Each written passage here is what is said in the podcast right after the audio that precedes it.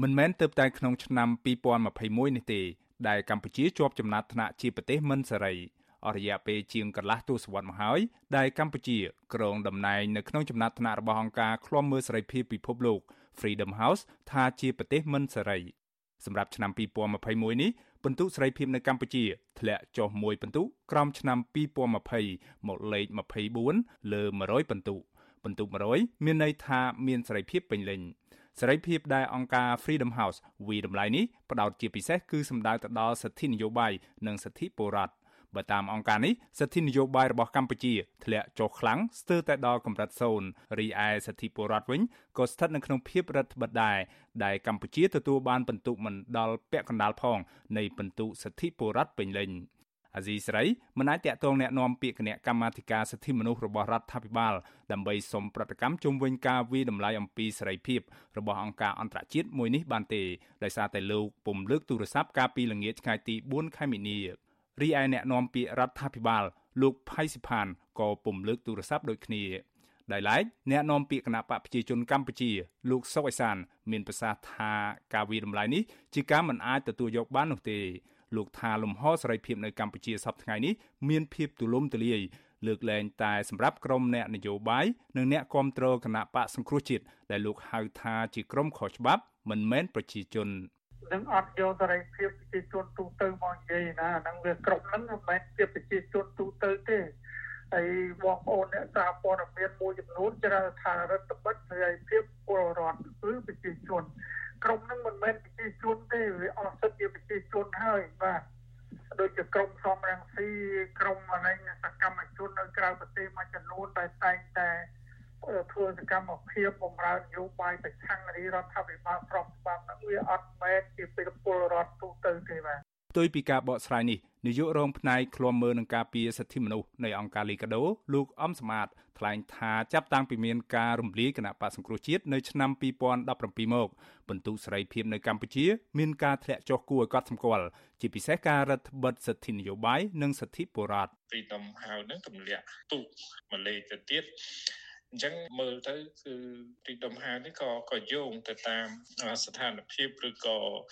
របាយការណ៍ដែលសហគមន៍អឺរ៉ុបក៏ដូចជាអ្នកជំនាញផ្នែកសិទ្ធិមនុស្សរបស់អង្គការសហជីវជាតិដែលគេទាមទារសូមឲ្យកម្ពុជាស្ដារឡើងវិញនៃលទ្ធិជាតិតៃនៃការគោរពសិទ្ធិមនុស្សណា បាទអញ្ចឹងគឺទស្សនវិជ្ជាទាំងអស់ហ្នឹងហើយហើយទស្សនវិជ្ជាចុងក្រោយហើយជាគេមើលទៅលើការចាប់ខ្លួននិងការចោទប្រកាន់នៅតាមផ្លូវតុលាការទៅលើមេដឹកនាំអតីតគណៈបពប្រឆាំងហើយនិងសកម្មជនអតីតគណៈបពប្រឆាំងហើយជាដើមហ្នឹងរបាយការណ៍សេរីភាពពិភពលោកឆ្នាំ2021របស់អង្គការ Freedom House ពិនិត្យមើលលើការអនុវត្តសេរីភាពនៅទូទាំងពិភពលោកនៅក្នុងរយៈពេលពេញមួយឆ្នាំ2020កន្លងទៅ អង្គការ Freedom House ហៅឆ្នាំ2021នេះថាជាឆ្នាំដែលលទ្ធិប្រជាធិបតេយ្យនៅទូទាំងពិភពលោកកំពុងស្ថិតនៅក្នុងភាពគំរាមកំហែង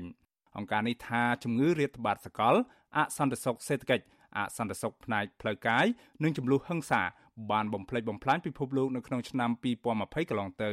អង្គការនេះបន្តថា ក្រុមអ្នកការពារលទ្ធិប្រជាធិបតេយ្យទទួលរងនឹងការចាញ់ប្រៀបយ៉ាងធ្ងន់ធ្ងរនៅក្នុងការតស៊ូរបស់ពួកគេប្រឆាំងនឹងក្រុមមេដឹកនាំផ្ដាច់ការដែលធ្វើឲ្យពិភពលោកងាកទៅរកការគ្រប់គ្រងបែបផ្ដាច់ការថ្លែងក្នុងសន្ទរកថាដាក់ចេញនូវគោលនយោបាយការបរទេសរបស់អាមេរិកជាលើកដំបូងកាលពីថ្ងៃទី3មីនារដ្ឋមន្ត្រីការបរទេសអាមេរិកលោក Anthony Blinken មានប្រសាសន៍ថាសហរដ្ឋអាមេរិកនឹងធ្វើឲ្យលទ្ធិប្រជាធិបតេយ្យនៅទូទាំងពិភពលោក មានសភាពដូចដើមឡើងវិញដោយសារតែលទ្ធិនេះកំពុងតែទទួលរងនឹងការគំរាមកំហែងលោកបាននិយាយយោងទៅរបាយការណ៍របស់អង្គការឃ្លាំមើលពិភពលោក Freedom House ដែលជាអង្គការឯករាជ្យថាជារបាយការណ៍ដ៏ល្អដែលឆ្លុះបញ្ចាំងអំពីបញ្ហានេះរបបផ្ដាច់ការអង្គើជាតិសាសនិយម កំពុងតែកើនឡើងនៅទូទាំងពិភពលោករដ្ឋាភិបាលនានាលែងសូវមានតម្លាភាពជាងមុនធ្វើឲ្យពលរដ្ឋបាត់បង់នូវទំនុកចិត្ត ការបោះឆ្នោតបានក្លាយជាចំណុចចាប់ផ្ដើមនៃការផ្ទុះអំពើហិង្សាកាន់តែខ្លាំងឡើងខ្លាំងឡើងអំពើពុករលួយក៏ចេះតែកើនឡើងជំងឺរាតត្បាតសកលកំពុងតែធ្វើឲ្យទំនោរអស់ទាំងនេះកើនឡើងបន្ថែមទៀតនៅក្នុងតំបន់បន្ទុសេរីភាពរបស់កម្ពុជាអន់ជាងប្រទេសមីយ៉ាន់ម៉ាឬភូមាប្រុយណេប្រទេសថៃនិងប្រទេសម៉ាឡេស៊ីជាដើមបន្ទុសេរីភាពរបស់កម្ពុជាគ្រាន់បើតែជាងប្រទេសកុម្មុយនីសគឺឡាវនិងវៀតណាមតែប៉ុណ្ណោះ ខ្ញុំបាទមេរិតអាស៊ីសេរីរាយការណ៍ពីរដ្ឋធានី Washington